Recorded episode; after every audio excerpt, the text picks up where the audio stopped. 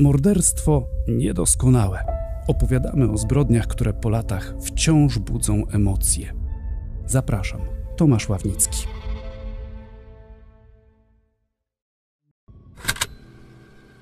To wszystko nie miało prawa się wydarzyć, bo to przecież niewyobrażalne, aby jeden człowiek tak zmanipulował całe rzesze ludzi, o wiele lepiej od niego wykształconych, doświadczonych, obytych w świecie. Zadrwił z przyszłych noblistów, z najwyżej postawionych polityków, z policji, z ekspertów, z całego społeczeństwa i to w kilku krajach. Oszukał wszystkich. No, może nie wszystkich, ale jednak w jego rzekomą przemianę uwierzyły tłumy, a on umiejętnie zrobił z tego medialny spektakl. Nawet gdy już wszystkie dowody wskazywały, że jest seryjnym mordercą, w sądzie zachowywał się jak gwiazda, bo w sumie tego oczekiwały wręcz od niego media. Stał otoczony wianuszkiem reporterów, operatorów i fotoreporterów, którzy pokrzykiwali do niego: Jack! żeby się odwrócił w ich stronę do zdjęcia. On zaś z uśmiechem na ustach zwracał się to w tę stronę, to w tamtą. Policjanci stali z boku, przyglądając się temu show. Morderca nie został wprowadzony na salę rozpraw w żadnym pomarańczowym kombinezonie, nie zastosowano wobec niego kajdanek zespolonych, takich zakładanych na ręce i nogi jednocześnie. Pojawiał się w sądzie w eleganckim garniturze, zachowywał się z dużą pewnością siebie, zapewniając, że absolutnie jest niewinny i ktoś usiłuje go wrobić w tych kilkanaście morderstw. Johann Unterweger, bardziej znany jako Jack Unterweger, to jeden z najbardziej znanych na świecie seryjnych morderców.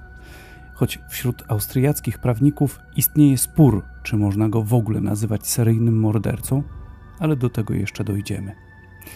Nazywany był dusicielem z Wiednia, choć tych przydomków nadano mu więcej. Urodził się w 1950 roku w dziesięciotysięcznym dziś Judenburgu w Styrii, czyli na południu Austrii. Ojca swojego nigdy nie poznał. Był nim amerykański żołnierz, który pod koniec lat 40. wraz z armią USA stacjonował w amerykańskiej strefie okupacyjnej. Tak, po II wojnie światowej na mocy decyzji z konferencji poczdamskiej Austria, tak jak Niemcy, była podzielona na cztery strefy okupacyjne, a Wiedeń, zupełnie jak Berlin, był pod kontrolą wojsk radzieckich, amerykańskich, brytyjskich i francuskich. To ojciec, a matka sam Unterweger twierdził, że była prostytutką, tak to opisał w swojej książce napisanej w więzieniu. Późniejsze ustalenia wskazują jednak, że raczej to sobie zmyślił. Matka, Terezja Unterweger, była kelnerką, ale fakt, nie za bardzo angażowała się w wychowanie nieślubnego syna. Gdy miał zaledwie trzy lata, matka trafiła do więzienia, a chłopcem zajął się dziadek. I tu też są dwie różne wersje. Unterweger mówił o dramatycznym dzieciństwie i w tych opowieściach dziadek był wręcz potworem, ale inne relacje rodzinne na to nie wskazywały. Dość powiedzieć, że Johann na złą drogę zszedł szybko. W wieku 16 lat za kradzieże trafił do ośrodka, jaki w polskim systemie nazwalibyśmy poprawczakiem. Gdy wyszedł, zaczął pracę jako kelner, ale nadal też kradł. Wkręcił się w towarzystwo alfonsów i prostytutek, zajmował się stręczycielstwem, napadami. Do więzienia na krótko trafiał w sumie kilkanaście razy. Niewykluczone, że pierwszego zabójstwa dokonał w kwietniu 1973 roku w Salzburgu, ale nie znaleziono wystarczających dowodów. Unterweger był podejrzany o zabójstwo 23-latki, ale to śledztwo zostało umorzone. Co innego w sprawie 18-letniej Margaret Schäfer z niemieckiego Gießen w Hesji. Unterweger pojechał w odwiedziny do przyjaciela.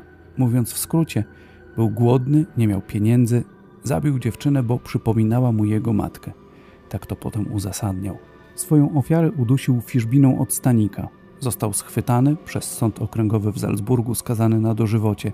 Osadzony w potężnym więzieniu Stein w mieście Krems nad Dunajem. Więzieniu, którego gmach to przebudowany dawny klasztor redemptorystów. Czas w tym więzieniu spędził, jakby to powiedzieć, na tyle owocnie, że będąc osadzonym zyskał ogólnokrajową sławę i w końcu dopiął swego. Wyszedł, bo udało mu się przekonać wszystkich, że zasługuje na drugą szansę.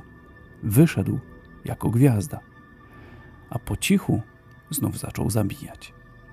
Jak do tego mogło dojść? Co mogło siedzieć w głowie sprawcy? Do księgarni trafiła właśnie książka Jestem mordercą.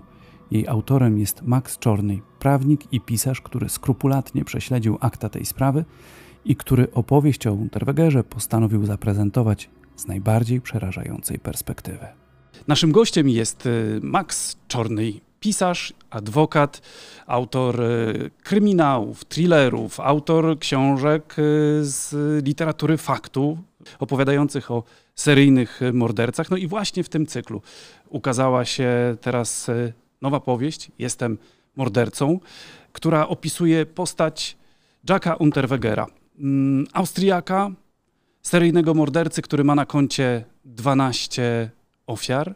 Jednego z najbardziej znanych e, seryjnych morderców e, na świecie z ostatnich lat. Chciałbym zacząć od tego, e, czy każdy zasługuje na drugą szansę. Bo w pana książce pada takie stwierdzenie e, z ust policjantki, że tak, każdy zasługuje na drugą szansę.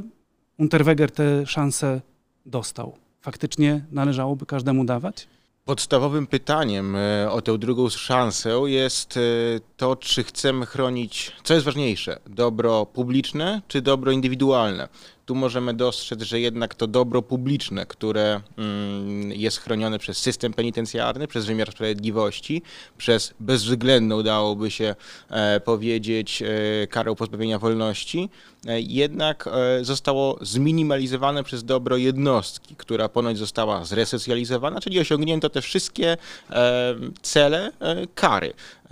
I e, w związku z tym możemy w ogólnym rozrachunku zauważyć, że jednak była to ścieżka błędna, ale trudno jest podzielić e, i jednoznacznie osądzić, czy rzeczywiście możemy na szali postawić i przeważy e, to właśnie spojrzenie, perspektywa indywidualna tego sadystycznego bytu, jakim e, był Jack Unterweger jeszcze przed pierwszym e, pozbawieniem wolności, e, a z drugiej strony, czy społeczeństwo nie ma prawa do tego, aby takich jednostek się pozbywać. I tu już możemy wejść też na grunt e, stricte e, rozważań e, prawnych, humanistycznych, dotyczących w ogóle na przykład kary śmierci. A przecież możemy sprowadzić wszystko do tego, że gdyby kara śmierci istniała, czyli byłoby to eliminowanie jednostek niebezpiecznych dla ogółu, to ta druga szansa już nie miałaby racji bytu. I wydaje mi się, że w ogóle dzisiejsze mm, społeczeństwo, dzisiejsze systemy prawne, dzisiejsza wrażliwość zmierza do tego, aby jednak, nawet jeżeli nie wprost wyrażać e, tę możliwość drugiej szansy dla każdego, e, to jednak przez to, że e, chociażby eliminuje się właśnie te kary główne, tak zwane, to tę drugą szansę chce się rzucić. Czy to jest dobre, czy złe, moim zdaniem ocena jest indywidualna całkowicie. Nie istnieje jakiś uniwersum, w którym można powiedzieć e, jednoznacznie tak bądź nie. Każdy znajdzie swoje argumenty. Jeżeli ja miałbym e, wypowiadać się, moim zdaniem nie nie istnieje możliwość dania drugiej szansy pewnym wypaczonym osobowościom i wielokrotnie w historii tych seryjnych morderców, e, czy to e, już od XIX wieku, gdy ta kara śmierci jest w zamniku, przez cały wiek XX, e, zauważamy, że nie sprawdza się i w e, sytuacjach e, dramatycznych, tak to nazwijmy, w sytuacjach skrajnych, zauważmy, że na przykład e, w trakcie II wojny światowej, po II wojnie światowej, procesy norymberskie na przykład określiły, że tej drugiej szansy nie damy nikomu. Wprowadzono zbiorową, powiedzmy, odpowiedzialność, karę śmierci też dla e, pewnych e, osób e, i rozliczono je całkowicie, pozbawiając się już tych zasad istniejących od kilkudziesięciu lat, nazywanych jakimś humanizmem czy właśnie oświeceniowym podejściem do kwestii praw człowieka. Było to, jak sądzę, dobre rozwiązanie, bo udało się uniknąć raz na zawsze postawić cezurę pewnej przeszłości i dzięki temu przejść do przyszłości gładko. A tak zawsze niesiemy bagaż e, i zawsze musimy patrzeć wstecz, czy oby ta przeszłość nie wpłynie na naszą przyszłość. Czyli niektórzy na tę drugą szansę zasługują, ale no trzeba to rozpatrywać indywidualnie. Oczywiście, tak. Można pojedyncze jednostki oceniać, ale to już e, w chwili oceniania e, determinujemy to, czy e, może ona ubiegać się o przedterminowe zwolnienie. Przecież mamy takie instytucje prawa karnego. Natomiast jeżeli orzekamy bezwzględne pozbawienie wolności, ta druga szansa już nie ma racji bytu. Ona nie istnieje. Ona już w chwili wydania wyroku ostatecznego jest całkowicie odrzucona i tak też można by zastanawiać się, czy jeżeli taka kara w ogóle istnieje, czy nie powinna być zamieniana na przykład na karę śmierci, czy nie jest równoważna z nią. No, e, pojawia się nawet pytanie, co jest bardziej humanitarne, trzymanie kogoś bez możliwości, pozbawie, bez możliwości ubiegania się jakiekolwiek zwolnienie przez 30, 40, 60 lat w zakładzie karnym, czy ukrócenie humanitarne tych e, jego e, męczarni, często, bo te osoby nie chcą żyć. Zobaczmy, że e, w Stanach Zjednoczonych, w Stanach, w których nie ma kary śmierci, e, jest bardzo duży odsetek e, samobójstw wśród osadzonych, czyli oni sami decydują się na skrócenie tego swojego pozbawienia wolności. To jest ciekawe, bo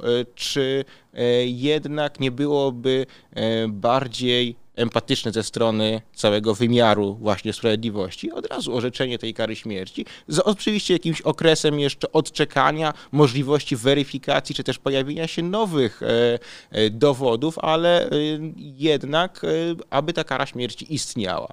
To no. jest dylemat oczywiście Europa, Stany Zjednoczone, pojedyncze przecież też Stany, więc to jest bardzo długa dyskusja sprowadzająca się do mnóstwa kwestii. No choćby pomyłek gruntów. sądowych, tak?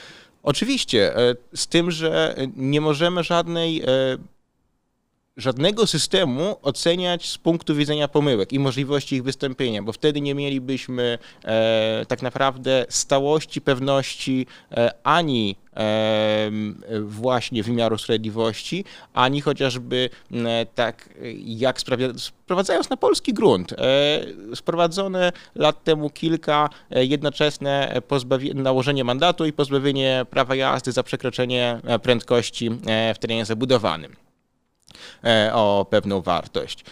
Dwie kary, które teoretycznie są orzekane jednocześnie i zauważmy, już, za, już w punkcie e, ich nałożenia jesteśmy przekonani, że one są właściwe. Nie możemy dopuszczać e, tego elementu niepewności, tego, że coś się może zmienić. To jest dla dobra społecznego jednak, dla dobra społecznego e, właściwe. I tak też e, w przypadku Jacka Unterwegera możemy zauważyć, że e, człowiek jest największym błędem systemu i największym tym ogniwem, które e, może błąd popełnić. Więc wtórne orzekanie, pozwalanie na meandrowanie prawem, meandrowaniem e, psychologią, opiniami psychologicznymi, e, już wprowadza element niepewności, a ja jestem jednak za tym pewnym sta stabilnością i konsekwencją systemu prawnego. Za chwilę spróbujemy wniknąć w psychikę Unterwegera, ale najpierw y, chciałbym y, spróbować zrozumieć zachowanie kobiet, e, które były w jego życiu, wokół niego, którym, które były zafascynowane nim. Już były wyniki badań DNA, które wskazywały jednoznacznie, że jest on mordercą seryjnym.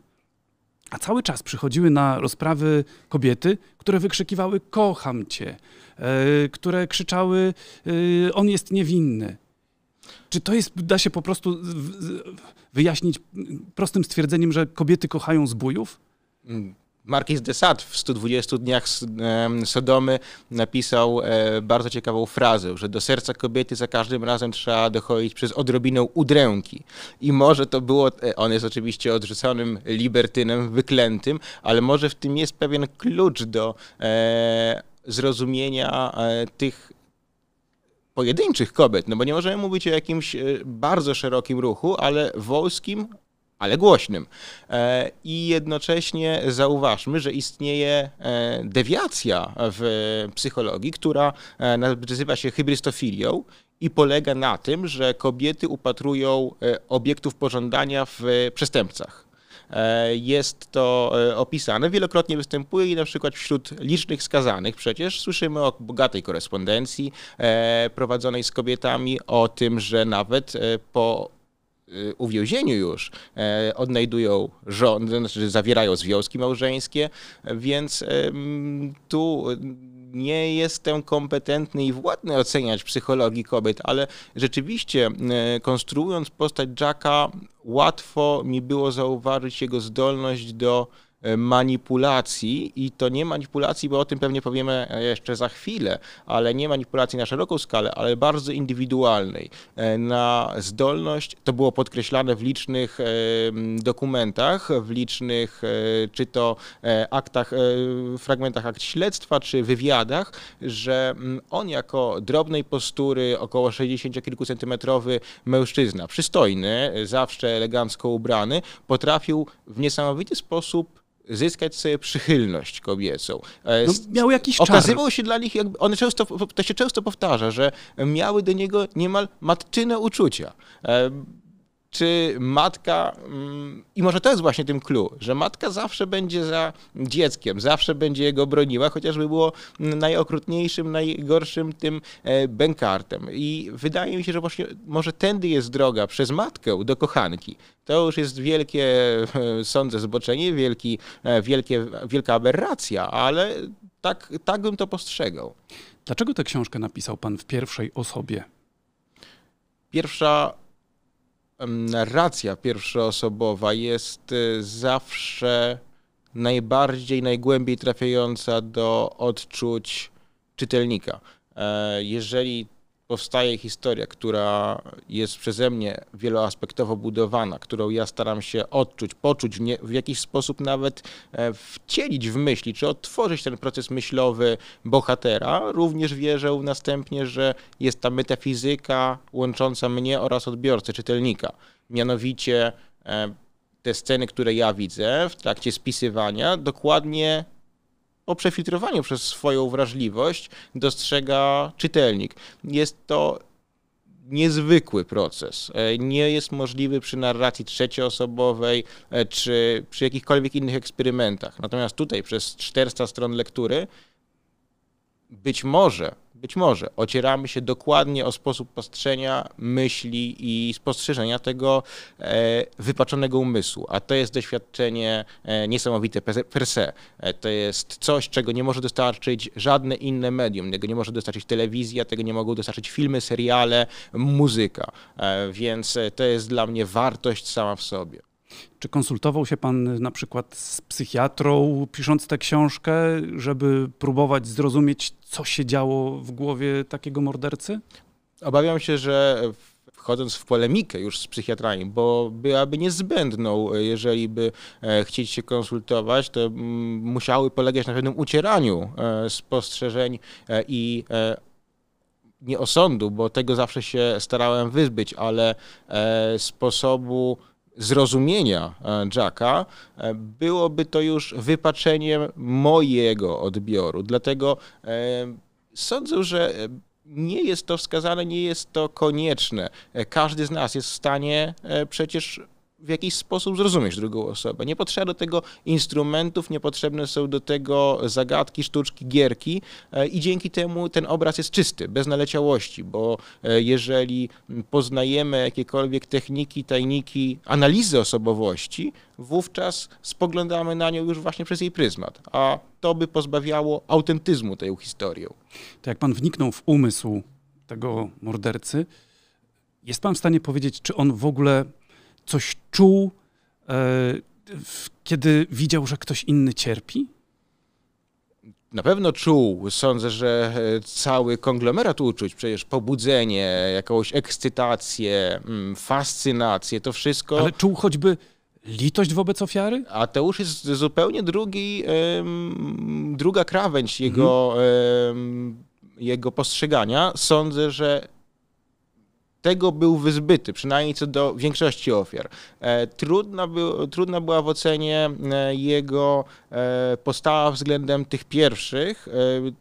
Do, co do nich jest niewiele zachowanych dokumentów, trudno też jest odtworzyć pewne jego procesy psychiczne, tym bardziej, że manipulując stworzył swój obraz oczywiście wielce empatycznego człowieka, który zamordował, bo w pewnym momencie poczuł taką potrzebę, było to e, jakieś uderzenie losu, uderzenie imperatywu wewnętrznego, trudno e, to jednoznacznie określić. Natomiast przy odtwarzaniu e, tego szeregu już zabójstw, tego głównego, e, wydaje mi się, że coś takiego jak litość nie istniało, że jednak jest wypierana przez te zboczenia, przez tę chęć samozadowolenia i osiągnięcia jakiejś realizacji. To jest przecież norma wśród seryjnych morderców, wśród typów nawet wymienianych przez przez e, FBI, e, gdzie e, te emocje konkretne, czy to chęć zysku, czy to tak zwane dążenie do zbawienia świata, czyli typ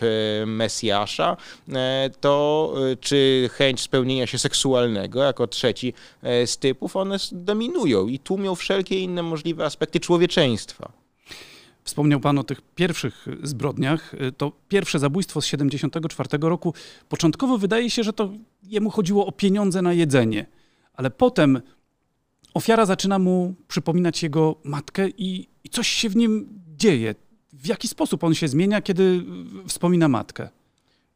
Właśnie w przypadku tego morderstwa istniała ta trudność, że to, iż e, zaczęła ta ofiara przypominać mu matkę, mogło być tylko już jego próbą wybielenia się, usprawiedliwienia się, w którą być może uwierzył i dlatego pozwoliłem sobie dokładnie tę perspektywę umieścić, nie w żaden sposób nie mm, nie rzucić nawet tropu, że mogło być inaczej, bo książka jest pisana z perspektywy i narracji w czasie teraźniejszym. E, jednak oczywiście mamy tu już ograniczone pod względem czysto technicznym środki, w związku z czym e, wiemy, do czego zmierza historia. A w momencie, do którego historia e, zmierza, moim zdaniem on był przekonany, że rzeczywiście w tej pierwszej ofierze zauważył matkę. Choć dopuszczam e, taką ewentualność, że e, w chwili morderstwa ono było warunkowane tylko chęcią zysku, oraz nagłym impulsem i strachem, bo on nie wiedział tak naprawdę, jak się zachować. No, jest całkowicie nowe doświadczenie. Empirycznie nagle doświadczamy wielkiego dramatu też dla siebie, bo jesteśmy w nowej sytuacji. To jest zawsze e, pewne wyzwanie, nawet dla osobowości psychopatycznych, które się dobrze i komfortowo czują na gruncie utartych schematów. Nagle znajdujemy się w nowej sytuacji, wpadamy może nie tyle w panikę, co w pewien wir e, możliwych dążeń, które musimy, musimy podążyć konkretną ścieżką. On zdecydował się na morderstwo, pozbycie ciała, E, być może również wykorzystanie seksualne, czego e, nie wiemy, nie udało mi się trafić na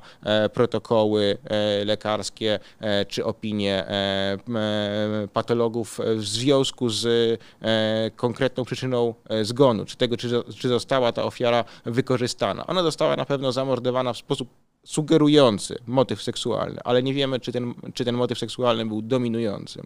To był ten moment, kiedy on się rozsmakował w morderstwach? Myślę, że e, tak, że to jest ten punkt zapalny, w którym e, osobowość dostrzega, e, jak wielka dawka adrenaliny, endorfin wydziela się w chwili zabójstwa. I nawet jeżeli mm, ta seksualność nie istniała wtedy, ona pojawiła się w jakiś sposób, już się dała jakiś, zostawiła ślad, który po latach e, stał się tak mocny, tak e, intensywny, że e, żądza zwyciężyła z chłodnym osądem i racjonalnością, bo Jack Unterweger był bardzo racjonalną ogólnie postacią. To jest pewna dychotomia, mm, pewnie mm, też rys jego osobowości, że jako planujący bardzo racjonalnie kolejne kroki, piszący książkę tylko po to, by zjednać sobie e, uznanie społeczeństwa, piszący wspaniałe wiersze, którymi też zyskuje, sztuki teatralne, pozujący na kogoś całkowicie nowego, nagle postanawia to zarzucić. Mm, I to jest e, wieloelementowość każdej z osobowości ludzkich. Każdy z nas jest złożony i to jest ten pierwiastek, którego, któremu on akurat pozwolił zwyciężyć, czyli temu e, ślepemu dążeniu do e, samozadowolenia. Wspomniał pan, że ta wersja z tym, że on zobaczył w ofierze matkę, to mogła być po prostu linia obrony, a potem sam siebie przekonał do tego. Ale powiedzmy parę słów o jego dzieciństwie ile z tego też jest prawdą, no bo wiadomo, że on fantazjował i możliwe, że coś tam do tego dołożył. Jak wyglądało jego dzieciństwo? Ile wiemy? Wiemy z, i z jego relacji, i z relacji członków jego rodziny oraz e, dziewczyn, z którymi się spotykał e, w czasach nastoletniości, dość sporo. E, jednak nie są to relacje, które składają się na jedną całość. One mają wiele odprysków i niespójności, a właśnie w niej nie chciałbym wnikać, bo to jest dość istotny moment w książce, w którym wydaje mi się, że sam e, tworząc tę postać, wnikając w nią, odkryłem, e, że otóż rozminął się być może z nawet własnym, e, z własną tożsamością. E, on e, był tak e, nastawiony na to dążenie swojego celu, że zaczął w głowie sam układać swoją biografię, swój życiorys, całkowicie nie całkowicie, ale częściowo, wbrew faktom. I sądzę, że w nie uwierzył. I moją chęcią byłoby i czytelnik w to w pewnym momencie uwierzył, a prawdę e, poznawał wraz z kolejnymi stronami. Za to pierwsze morderstwo dostaje dożywocie, trafia do więzienia. Jak wygląda ten jego pobyt w więzieniu? W jaki sposób udaje mu się przekonać otoczenie, że jest właściwie takim jak my wszyscy, i że zasługuje na to, żeby wyjść, że właściwie on y, mówi o tym, że, że ma cel taki, żeby mu wszyscy bezgrani, bezgranicznie wręcz uwierzyli, że on się zmienił. Jak realizuje ten plan? Właściwie jako punkt wyjścia należy e, potraktować jego e, chęć e, jakiegoś samorozwoju też w pewnym momencie, czy to wynikającego z, ze znudzenia, czy um, trudno y, określić. Y, no tak to w więzieniu jest. Jedni biorą ale, i, i, ćwiczą i na ćwiczą, przykład, tak, tak? I in, inni zajmują się e, literaturą, zapewne w bardzo wąskim gronie. Ale są ale tacy, są którzy tacy. piszą wiersze. E, otóż to. I, I, dziś w polskich więzieniach też takich jest niemało. E, są blogerzy przecież, e, którzy relacjonują nawet teraz życie więzienne e, i to w polskich więzieniach, więc e, te, to, to zaczyn jest y, nawet mało istotny. Po prostu w pewnym momencie on sięga po pióro e, i, i gdy dostrzega, że jest doceniony, ten mechanizm jest już e, trywialny. On prowadzi do tego, że e, zostaje Jack Unterweger doceniony przez jakieś wąskie najpierw grono odbiorców, nawet przez dyrekcję zakładu, do której całkowicie przypadkowo te wiersze jego trafiają, a następnie jest poddany badaniom psychiatrycznym i psychologicznym i zauważa, że e, tworząc literaturę, tworząc e, i dramaty, i poezję, i, i, i powieści, e, i poświęcając się spisywaniu własnej autobiografii, która e, niejako ma być chyba jego sposobem terapii, ale też wyjściem do szerszego grona odbiorców, właśnie aby e, w jakiś sposób się wybielić. E, I tu już chyba istnieje pewien właśnie psychopatyczny rys, jak bardzo, jak głęboko jesteśmy w stanie e, tworzyć fikcję, manipulować drobnymi szczegółami, pracować nad tym wiele lat, e, aby e, móc w perspektywie e, mieć jakąś chociażby bardzo znikomą szansę opuszczenia więzienia, bo wyobraźmy sobie, że on tworzy, on e, spisuje jakiekolwiek swoje przeżycia, doświadczenia, emocje, ale nie wie do czego to doprowadzi. On całymi dniami pracuje i temu się poświęca, temu się całkowicie e, oddaje, mając jedynie ułudę, mając jedynie jakąś wizję możliwości chociażby łagodniejszego potraktowania, może zmiany celi na większą, czy zyskania przepustki, a nie mógł się spodziewać tego, że doprowadzi go to do wolności. I tu kuriozum, bo pieniądze na ten kurs pisarski wykłada dla niego matka pierwszej ofiary. To jest nie do pomyślenia. Tak, to jest jeden z mm, fragmentów, które wydawały mi się wręcz e, abstrakcyjne. Gdybyś, gdyby to była powieść nie oparta na faktach, tylko e, czysta mm, fikcyjna beletrystyka, powiedzielibyśmy, że jest to element e, całkowicie naciągnięty, niewiarygodny.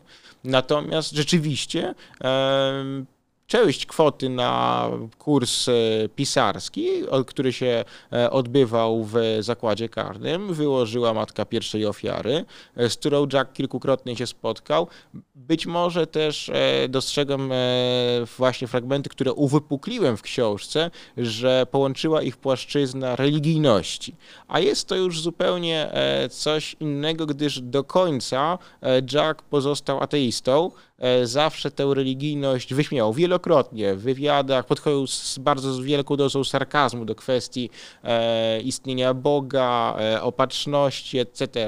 A jednak ten grunt wspólnej niby właśnie perspektywy wiary oraz jego nawrócenia skłonił matkę kobiety zamordowanej przez niego do ułożenia tej kwoty. No to pokazuje właśnie siłę jego osobowości i manipulacji. Niesamowicie, tak? Potrafił zmanipulować, no tak w cudzysłowie, na Pana Boga. Zresztą jego różne metody były choćby na litość, tak? E, budził litość wśród wielu osób, mówiąc: Ojej, jestem taki sam jak wy, a ja tu muszę wracać do tej swojej klatki.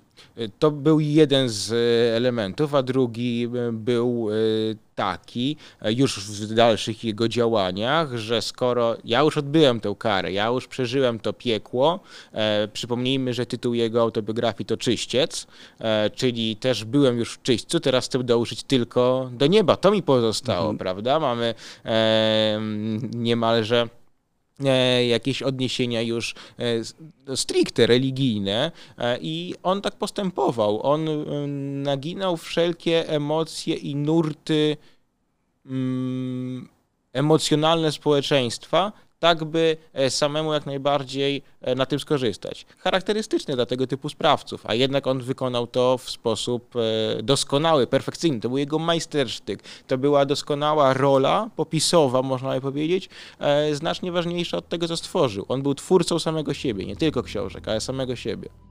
Początkowo wymiar sprawiedliwości nie dostrzegał perspektyw, aby Unterweger mógł pozytywnie rokować. Policyjny psychiatra dr Klaus Jarosz stwierdził u niego sadystyczne skłonności psychopatyczne z tendencjami do narcyzmu i histerii. Ale skazany za kratami nie próżnował. W więzieniu ukończył liceum oraz wspomniany kurs pisania. Pisał wiersze, bajki dla dzieci, opowiadania, sztuki teatralne, no i słynną, chyba należałoby dodać, koloryzowaną autobiografię Czyściec. To, co pisał, zyskało uznanie. W efekcie, będąc skazanym, raz po raz dostawał przepustki, by mógł uczestniczyć w spotkaniach autorskich, współreżyserował też sztukę i zawsze na czas powracał do więzienia, żaląc się, że przecież już swoją karę poniósł, a nadal musi siedzieć za kratami. Sława nakręcała się niczym spirala. W 1988 roku powstał film Fegefeuer, czyli Czyściec na podstawie autobiografii Unterwegera. Już wcześniej, w 1985 roku, więzień Unterweger założył pismo literackie Wortbrücke. Działało do jego wyjścia z więzienia. Ukazało się w sumie 12 numerów. Adres wydawnictwa 3500 Krems, Steiner Landstrasse 4. To był adres więzienia. Wyrobił sobie nawet pieczątkę Jack Unterweger, pisarz. Do mostów słów pisywali najwięksi niemieckojęzycznej literatury. Późniejsza zdobywczyni Nagrody Nobla Elfriede Jelinek, wydawany także w Polsce Manfred Kobot, autor głównie kryminałów Franz Kabelka czy Andrea Wolfmeier, pisząca głównie książki dla dzieci i młodzieży, choć po latach napisała też książkę o swojej znajomości z Unterwegerem. Jack i ja, zło we mnie. Ale to już po latach. Wtedy pod koniec lat 80. cały tłum intelektualistów raz po raz domagał się uwolnienia Unterwegera. Do szefa resortu sprawiedliwości, do prezydenta wysyłano przeróżne petycje. Podpisywały się pod nimi wielkie osobistości. Uchodził on bowiem za wzór resocjalizacji. Ba, system więziennictwa się nim chwalił. Proszę bardzo, oto przestępca, którego sprowadziliśmy na dobrą drogę. Nigdy nie znajdziemy mordercy tak dobrze przygotowanego do wolności, miał podobno powiedzieć dyrektor więzienia Stein. Rezultat był taki, że po 16 latach za kratami, za zgodą ministra sprawiedliwości Egmonta Foregera, Johann Unterweger został zwolniony warunkowo z odbywania kary 23 maja 1990 roku. I dopiero wtedy, na dobre, zaczął mordować. W głowie się też nie mieści, jak to możliwe, że on, siedząc w więzieniu, mógł się stać tak sławny. To akurat pokazuje też pewien zbieg e, okoliczności. Jego dramat najpierw jest wystawiany w e, nazwijmy to teatrze więziennym, e, który przypada do gustu istotnym osobom. E, do tego e, zaczyna się akcja społeczna swoją drogą. Wtedy w Austrii dyskusja właśnie trwa co do znaczenia i działania systemu penitencjarnego. Dość istotne osoby, nawet Ginter Grass. Elferideli, Jelinek. Tak, Jelinek wypowiadają się, że nie można skazywać człowieka właśnie na bezwzględne pozbawienie wolności, należy dawać tą drugą szansę, a tutaj e, jeżeli ktoś jest tak piękny, ktoś tworzy e, literaturę, e, ktoś pokazuje swoją wrażliwość, musi być już nawrócony. Nawet nie w sensie religijnym już tu mówimy. I on nagle wypływa nagle dostaje możliwość odegrania, wystawienia swojego dramatu w teatrze wiedeńskim to e, przedstawienie przyciąga znaczną publikę, przyciąga już media, jego sprawa staje się głośna, a on z tego karmi się tym, czerpie z tego, e, dostrzega właśnie swoją szansę e, i tworzy dalej. Tworzy coraz dziwniejsze poezje, które, których kilka przykładów udało mi się przetłumaczyć, zamieszczone są w książce. Z jednej strony zastanawiające, bo mające bardzo mocne konotacje seksualne, więc wydawałoby się, że jako psycholog obawiałbym się, skoro tak mocne konotacje seksualne istnieją w jego poezji, to czy na pewno jest z nim wszystko w porządku? Czy mm, tu, ja, dlaczego on to tworzy w ten sposób? A nie obawiał się tego. Działał, tworzył, poezje też się przyjęły, stał się celebrytą. Z drugiej strony, to też jakieś absolutne kuriozum. Opinie biegłych psychiatrów, psychologów zapadają nawet bez spotkania z nim twarzą w twarz, tylko na podstawie jego twórczości. Tak, zgadza się. Właściwie e, opinia zarówno psycholog, e, jak i psychiatry e, były, były, zostały spisane bez jakiegokolwiek kontaktu z Jackiem Unterwegerem. Powstały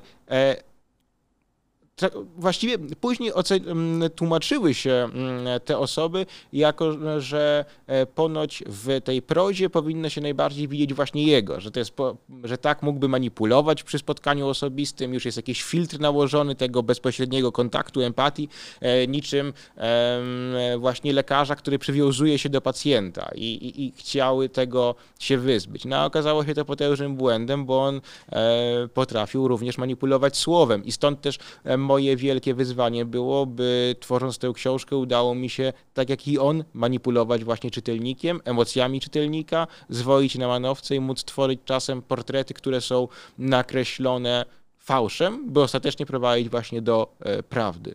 Napomknął pan o roli mediów strasznej, strasznej, jeśli weźmiemy pod uwagę, czym się to skończyło, bo media zrobiły z niego gwiazdę, eksperta. On się wypowiadał na e, tematy kryminalne, na tematy literackie. Był wszędzie, tak? Stał się pewnym opiniotwórczym, e, opiniotwórczą tubą e, osób osadzonych e, za rozmaite przestępstwa, e, całego, można by powiedzieć, półświadka, e, a następnie przykładem na doskonałość resocjalizacji. Wzór. Wzór, tak. I w tym już powstał powstało zapętlenie pewne całego systemu, który chciał się tym chełpić, że oto udało nam się nawrócić, zresocjalizować e, brutalnego mordercę. Spójrzcie, jakim on jest człowiekiem, kim się stał, jak wiele osiągnął, bo e, stał się bardzo zamożny, e, a mm, kolejne podmioty dołączają się do tego mm, jego dążenia ku e, byciu celebrytą. E, Związek Pisarzy Austriackich sponsoruje mu najpierw jeden z największych apartamentów w Wiedniu. Potężny apartament z piękną panoramą.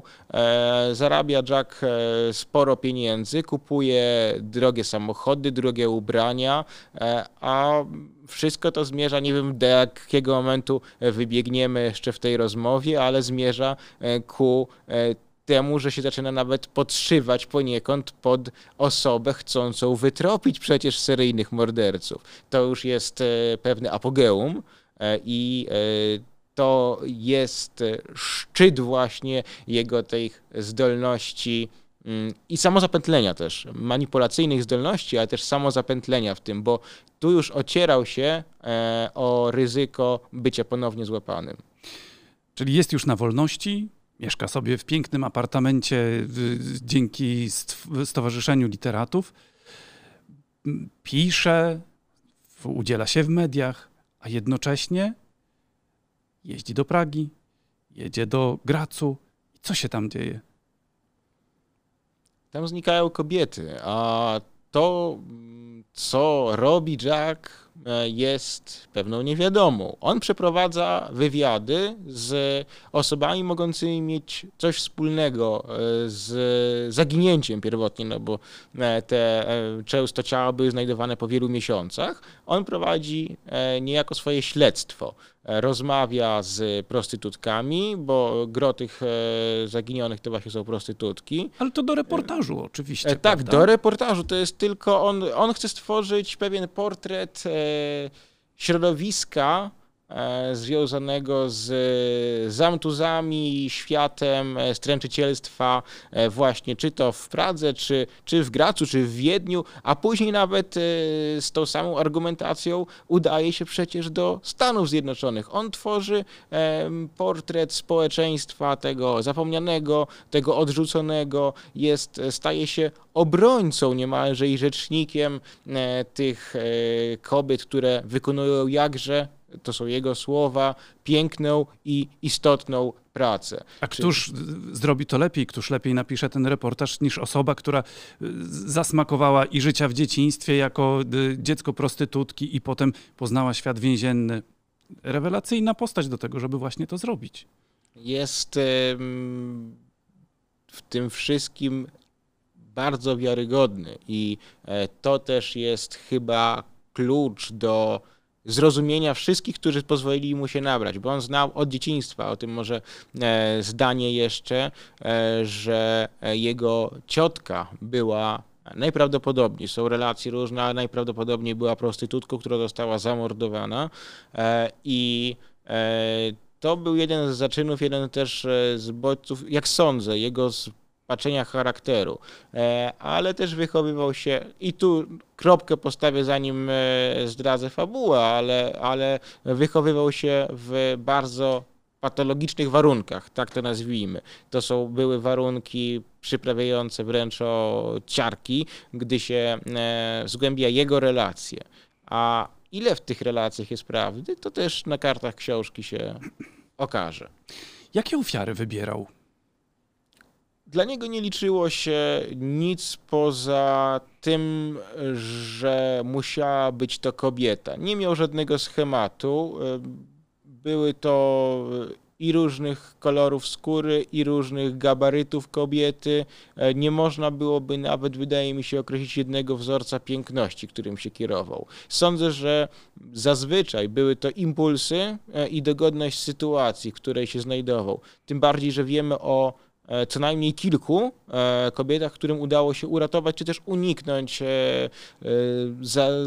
zamordowania, bo wiemy, że na przykład z nimi odbył stosunek i to czy to w lesie, czy na jakimś całkowitym, w jakimś całkowitym ustroniu, a jednak one przeżyły, nawet często wpadły w jakieś swoje furie, miał napady agresji, szału, rozmaite zachowania, które mogłyby świadczyć, że nie, niemalże zbliżał się do tego e, momentu własnej eksplozji, a jednak coś go powstrzymywało. Nie wiemy co.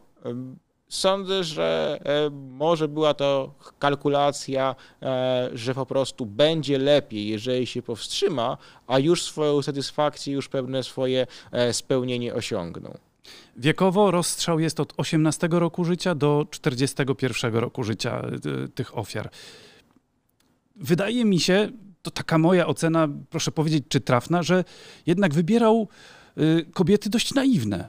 Trudno powiedzieć, czy naiwne. Mm, jeżeli byśmy chcieli stworzyć jakieś, e, jakiś przegląd e, osobowości kobiet, które trudnią się nierządem, sądzę, że wśród bardzo wielu z nich dostrzeżałem pewien schemat e, chęci zarobienia łatwego, szybkiego, a zarazem pozbawionego hamulców. E, oczywiście nie tylko moralnych, ale tych takich bezpieczeństwa wewnętrznego, instynktu samozachowawczego. I to już mogłoby tworzyć e, właśnie jakiś element spójny dla, dla nich, e, mianowicie tego nie naiwności, ale wysokiego progu strachu tego, że jednak one chciały zaryzykować, a jeśli on jeszcze w doskonały sposób potrafił je przecież e, przekonać do tego, by wsiadły z nim do samochodu, by pojechały w bezludne miejsce, e, tu też nie zdradzając, ale były to sposoby e, niesamowicie chytre. On wykazywał się potężną inteligencją przy tym, jak tworzył całe wielkie historie przecież, byle tylko zdobyć to zaufanie tych kobiet, byle tylko za nim podążyły i mu się oddały. A potem, kiedy już mordował, właściwie to modus operandi było niemal identyczne przy każdym z morderstw. W jaki sposób to się odbywało? Nie będę odpowiadał dokładnie, bo e, chyba te sceny w ogóle stanowią dla mnie kwintesencję książki. Ten modus operandi, właśnie sposób pozbawienia życia e, jest bardzo istotny dla stworzenia każdego portretu seryjnego mordercy.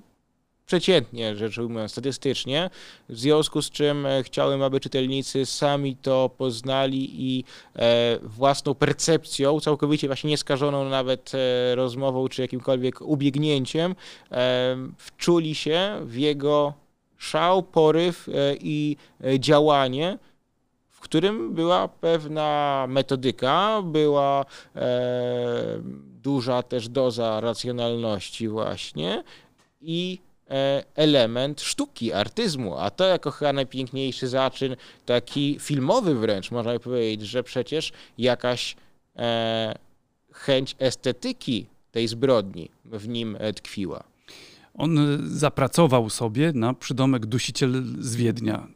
To On zapracował tyle... na wiele przydomków, bo to był i dusiciel z Wiednia, i poeta śmierci. To cały, cały szereg prasa oczywiście poświęciła mu nagłówków, e, rozmaicie interpretując, jeszcze no nie wiedząc, e, czy to on, czy nie on. Później oczywiście, e, tak jak z tym przydomkiem poeta śmierci, zostało to już nadane, gdy rzeczywiście został skazany, ale wszelkie te mm, miana E, miały no, silną, e, silną konotację e, społeczną. Chciały w jakiś sposób ukategoryzować go, a jednocześnie było to bardzo trudne moim zdaniem i mm, trochę skupienie się na tym samym duszeniu jest zbyt mocnym uproszczeniem, które zdecydowanie by mu się nie spodobało. Mimo, że każda z tych zbrodni była do siebie dość podobna, to jednak policja bardzo długo nie była w stanie połączyć wątków, że za tym stoi jeden i ten sam człowiek, w ogóle, tak? A, a dopiero potem, że, że to jest Unterweger. Jak to się udawało?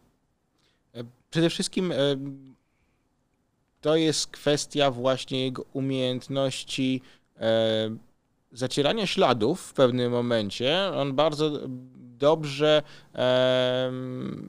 być może podświadomie potrafił schować ciała, które tak naprawdę często leżały nawet w miejscach dość widocznych, ale jednak były odnajdowane e, po wielu miesiącach.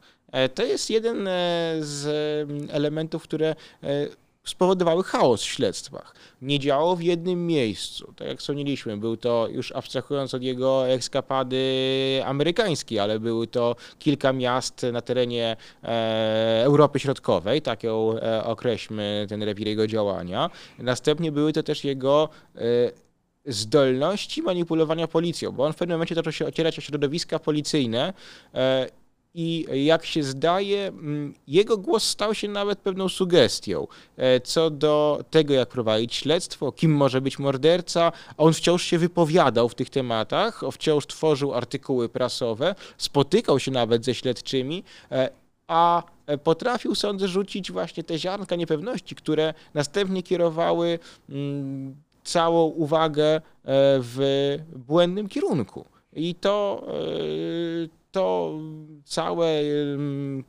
kilka e, właśnie okoliczności sprowadziło się do tego, że przez e, dość długi czas pozostawał nieuchwytny. Co więcej, on w sumie mógł liczyć też na pomoc różnych osób, bo ktoś go ostrzegł. Ktoś go ostrzegł, że w końcu w, po, w policji połączono wątki i podejrzewają, że to może być on. Tak, to jest e, ten też pokazujący chyba uwypuklający jego osobowość e, element, mianowicie to, że nawet gdy pojawiły się dowody e, jego winy, nawet gdy już śledztwo zostało skierowane na jego tropy, najprawdopodobniej jedna z kobiet śledczych, no już e, zdradzając, ale jest to istotny mm, fakt, ostrzegła go, że tropy zaczynają prowadzić ku niemu, zapewne wierząc w jego niewinność, bo nie sądzę, by poważono się na działania takie, jednak e, sądząc, że on mógł popełnić rzeczywiście te zbrodnie. I e, ta wiara w niewinność tkwiła do końca, e, znacznie dłużej w, wśród jego tych fanek, takie nazwijmy, niż w nim samym. Ale on do samego końca przekonywał, że ktoś go chce wrobić, że ktoś się na niego uwziął, on zawsze mówił, że jest niewinny. Kiedy już nawet były wyniki badań DNA, to w sumie początki jeszcze y, badań DNA, ale no, one wskazywały jednoznacznie, że jest sprawcą. Na co liczył, nie przyznając się do samego końca? On walczył. E, tak samo jak podczas pierwszego pobytu w więzieniu i wierzył w swoje zwycięstwo, on przez cały czas walczył. I dopiero e, w momencie, gdy po postawieniu litery i, ale jeszcze bez kropki, zobaczył, że ta walka jest bezcelowa, postawił kropkę na swoich warunkach. E, to e, tak obrazowo, metaforycznie podsumowując jego właśnie życie, ale e, to był człowiek, który za nic nie chciał przyznać się do porażki i za nic nie chciał się wycofać, czy też dać powodów, by uznano go za pokonanego był e, w tej swojej mierze takim e, ikonograficznym, wojownikiem śmierci, tak go można by określić, mordercą, e, który wszystko podciągał pod siebie i konstruował własną osobę. I tak jak wspomnieliśmy, już zapewne w ten zbiór faktów, w cudzysłowie, wierzył. I samobójstwo popełnił też trochę tak, jak, jak i zabijał. No to jest właśnie ta kropka nad i. E, on dokładnie, e, jak już nie powiedzieliśmy o samym sposobie mordowania, takim samobójstwie może nie mówmy jak wyglądało, ale rzeczywiście zrobił to dokładnie tak, e, jak mordował, co też może być czy też jest e, ostatecznie przyznaniem się do winy e, i ta kropka nad i e, pokazuje, że też odniósł takie zwycięstwo nad nawet tym wymiarem sprawiedliwości, który go niby chciał ukarać, ale on jednak zrobił to na własnych warunkach i uciekł od tej odpowiedzialności. Według aktu oskarżenia od wyjścia z więzienia w 1990 roku Unterweger zamordował 11 kobiet w różnych odstępach czasu. Najpierw raz na parę miesięcy, potem kilka w miesiącu. Mordował w Austrii, najczęściej w Wiedniu, ale też i w ówczesnej Czechosłowacji, w Pradze, a także w Stanach Zjednoczonych, w Los Angeles i w Malibu. Wpadł 27 lutego 1992 roku w Miami. Sporządzenie aktu oskarżenia, zebranie zeznań świadków nie było proste. Bliscy ofiar raczej niechętnie rozmawiali ze śledczymi. Zamordowane kobiety były prostytutkami, nie było się czym chwalić. Unterweger na sali rozpraw do końca prowadził grę z ławą przysięgłych. Panie i panowie przysięgli, spędzimy ze sobą następne dwa miesiące i nie chciałbym być jałowym aktorem. Chciałbym, żeby było nam razem tak jak w kawiarni. Jeżeli mają państwo pytania, proszę je zadawać, a ja udzielę odpowiedzi na wszystko, naprawdę na wszystko. Widzą państwo, moja duża przewaga polega na tym, że nie mam nic do ukrycia, bo ja nie jestem mordercą. Jeżeli złapią mnie państwo na jakimś kłamstwie, to mnie skażecie. Tak mówił podczas procesu w sądzie w Gracu. W austriackim systemie prawnym jest tak, że jeśli istnieje zagrożenie wysoką karą, to proces prowadzi sąd przysięgły. Składa się z 11 osób, trzech sędziów zawodowych i ośmiu niezawodowych. Tych ośmiu ostatnich tworzy właśnie ławę przysięgłych i to do nich zwracał się Unterweger, najpewniej licząc, że uda mu się ich oczarować. Na marginesie, samo oczarowanie ławy przysięgłych to i tak byłoby za mało, gdyby sędziowie przysięgli orzekli jego niewinność, a sędziowie zawodowi uznali to rozstrzygnięcie za błędne, to wyrok się uchyla i tworzy się nową ławę przysięgłych. Ale Unterweger nic nie wskurał. 29 czerwca 1994 roku ława przysięgłych skazała go na dożywocie za 9 morderstw, tym razem bez możliwości zwolnienia warunkowego. Za 9, a nie za 11, ponieważ w dwóch przypadkach uznano, że nie znaleziono niezbitych dowodów i tu został on uniewinniony. W nocy po wyroku w więzieniu Graz Jakomini Jack Unterweger popełnił samobójstwo. Ponieważ wyrok sądu w Gracu nie zdążył się uprawomocnić, to wśród austriackich prawników nie ma zgody, czy Unterwegera można nazywać seryjnym mordercą. Bądź co bądź prawomocnie został skazany tylko za jedno zabójstwo, to z 74 roku. Niektórzy uważają wręcz, że mówiąc o nim seryjny morderca, dopuszcza się naruszenia pośmiertnych dóbr osobistych. Na zakończenie książki pisze pan tak, że próby wnikania w psychopatyczne osobowości mają dwojaką trudność. Z jednej strony wymagają ogromnej pracy oraz samodyscypliny, aby w jak najmniejszym stopniu nacechować opisywaną postać własnymi przemyśleniami. Istotne są jedynie myśli oraz emocje antybohatera. To bywa wymagające, ale zawsze staram się tego dokonać jak najstaranniej. Wyzbywam się opinii oraz osądów. Ze wszechmiar staram się nie oceniać. Faktycznie nie ocenił pan tego antybohatera? Mam nadzieję, że nie. Mm. W Kubusiu Fataliście jest e, bardzo trafne e, zdanie Diderot, e, mianowicie, że coraz więcej rozumiem, ale coraz trudniej mi to wszystko ubrać w słowa.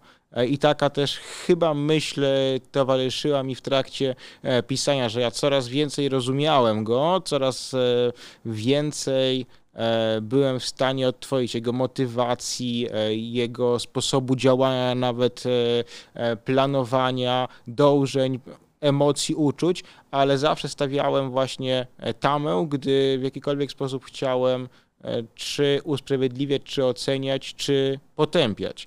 E, bo... No bo taka jest w sumie ludzka natura, że my oceniamy na każdym kroku innych. I samych siebie również. I tylko z tej perspektywy chciałem, aby e, istniały jakiekolwiek wtręty w jestem mordercą. To miała być pozycja, która od pierwszej do ostatniej strony zabiera nas w podróż myślami Jacka Unterwegera i mnie e, towarzyszyło to poczucie, że często być może ocieram się dokładnie o te zdania, jeżeli byśmy ujęli, że myślimy zdaniami, o te zdania, które płynęły przez jego umysł. Nie wiem, czy moja prośba nie będzie prośbą o naruszenie tajemnicy adwokackiej, ale czy kiedykolwiek e, spotkał się pan z takim typem osobowości w swojej pracy adwokackiej?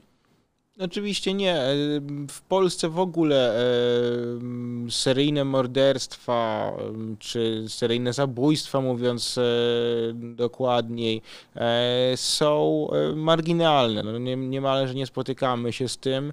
Oczywiście przy sprawach karnych. Często trafiają się klienci, e, którzy mają, czy też są podejrzewani o rozmaite zaburzenia osobowości bardzo różnego e, rodzaju, bardzo rozmaicie e, się zachowujący, często pozujący nawet na wypaczonych, chociaż psycholodzy mówią, że coraz rzadziej pozuje się właśnie na, e, na osoby mające jakiekolwiek braki e, psychiczne, z tego względu, że jednak racjonalnie myślący, przewidujący e, człowiek wie, że będzie bezpieczniejszy w zakładzie karnym wśród osadzonych, e, w, czy to izolacja, zależy jeszcze o jakim mhm. typie mordercy mówimy, chociażby przecież wiemy, jak bardzo potępiane są pewne zbrodnie, ale jednak e, przeciętny zabójca e, będzie lepiej traktowany i bezpieczniejszy w zakładzie karnym niż w zakładzie placówce leczniczej, w której nie wie, w którym momencie e, ktoś z łóżka obok e, nie zobaczy w nim diabła, czy nie pomyśli, że jest obiektem z innego świata, który należy wyeliminować. Więc to są sporadyczne przypadki, ale oczywiście trafiają się. Czy dziś taka, można by to w sumie nazwać, taka kariera seryjnego mordercy byłaby możliwa? Czy dziś społeczeństwo działa już jednak trochę inaczej? Może nie jest aż tak łatwowierne po tej historii? Jeżeli mówimy o, rozumiem, że chodzi o ten typ konkretnie Jacka Unterwegera, tak. czy Jack Unterweger mógłby być Jackiem Unterwegerem dzisiejszych czasów? E, mógłby być i sądzę, że jeszcze łatwiej mógłby być, bo mamy e, jeszcze więcej narzędzi, jeszcze więcej instrumentów pozwalających na manipulowanie. E, I nawet jeżeli uważamy, czy chce się uważać, że wielkie portale zgodnie ze swoimi regulaminami potrafią wyzbyć się mani treści manipula e, manipulacyjnych, e, w jakiś sposób je usuwać, filtrować, to mimo wszystko, śledząc przecież na co dzień portale społecznościowe, możemy zobaczyć, jak wiele tam jest ścielających się tez, argumentacji, a jak łatwo manipulować społeczeństwem. Czy manipulowanie w przypadku E, nie wiecząc żadnych teorii spiskowych, ale nawet takich kwestii jak pandemia, jest możliwe. I nagle się okazuje, że jedne osoby e, przez wiele miesięcy utrzymywały mm, całkowicie nieprawidłową narrację względem faktów, a jednak udawało im się, e, prawda, zdobywać tę popularność, zdobywać odbiorców. I tu taki sam schemat był w przypadku Jacka Unterwegera. On również meandrował, zdobywał E, kolejno najpierw wąskie, potem coraz szersze grono odbiorców i w doskonały sposób e, potrafił e, się wypromować, a już później od oceny powszechnej do zyskania współczucia. W jego przypadku była droga ułatwiona. I to wydaje mi się, że uzyskanie powszechnego współczucia jest w dzisiejszych czasach łatwe i pokazuje też się w tym, jak często rozmaite zbiórki, akcje przecież pomocowe, e, fundacyjne okazują się zwykłymi oszustwami. Pytanie to zadałem dlatego, że w sumie mam w tyle głowy też drugie pytanie, po co powstaje taka książka? Bo rozumiem, że nie jest to hołd dla seryjnego mordercy, tylko że to jest jakaś forma ostrzeżenia społeczeństwa, że takie osoby są wśród nas i one mogą znów się gdzieś objawić teoretycznie idąc ulicą i patrząc na jakiego, jakąkolwiek osobę, e, wymieniając z nią spojrzenie, możemy zastanawiać się, kim jest. Nigdy nie znamy tych przechodniów, nigdy nie wiemy, jakie w nich myśli tkwią, e, ale w jakimś bardzo nikłym procencie, promilu, e, promila, mogą to być osobowości psychopatyczne, wypaczone, mogą to być nawet zabójcy. Jest przecież to w Polsce, w Polsce popełnianych jest rocznie, w zależności od, od roku, teraz tendencja jest spadkowa, no ale od 700 przypuśćmy do 1000 zabójstw. E, w związku z czym ci mordercy istnieją. Czy to mm, są mordercy tych rodzin patologicznych, czy um, o innych motywacjach rabunkowych, etc., ale oni są. Więc mijając na ulicy mamy szansę teoretyczną takiego mordercy spojrzeć w oczy ale daleki jestem od formułowania tezy, by ta książka, by jestem mordercą, była ostrzeżeniem i jakimś hasłem e, bójmy się drugiego człowieka. Nie. E, moim zdaniem przede wszystkim e, jest to pewna próba spojrzenia w głąb chorej osobowości, a mnie te wszystkie rysy turpistyczne interesują. Intrygują mnie w sztuce rozmaitego rodzaju, począwszy od właśnie malarstwa, poprzez literaturę i nawet kino. E, zawsze ten i ten rys nie tylko mnie fascynował, ale przecież i mnóstwo e, odbiorców, bo do dzisiejszych czasów przecież e, wiel, za wielkiego malarza uznawani są tacy jak Bosch, Greenewald, czy to, to jest Jericho, którzy opierają się tylko na tym turpizmie, na tych emocjach i na, tym, na tej pasji otarcia się o pewien brud, tak to nazwijmy.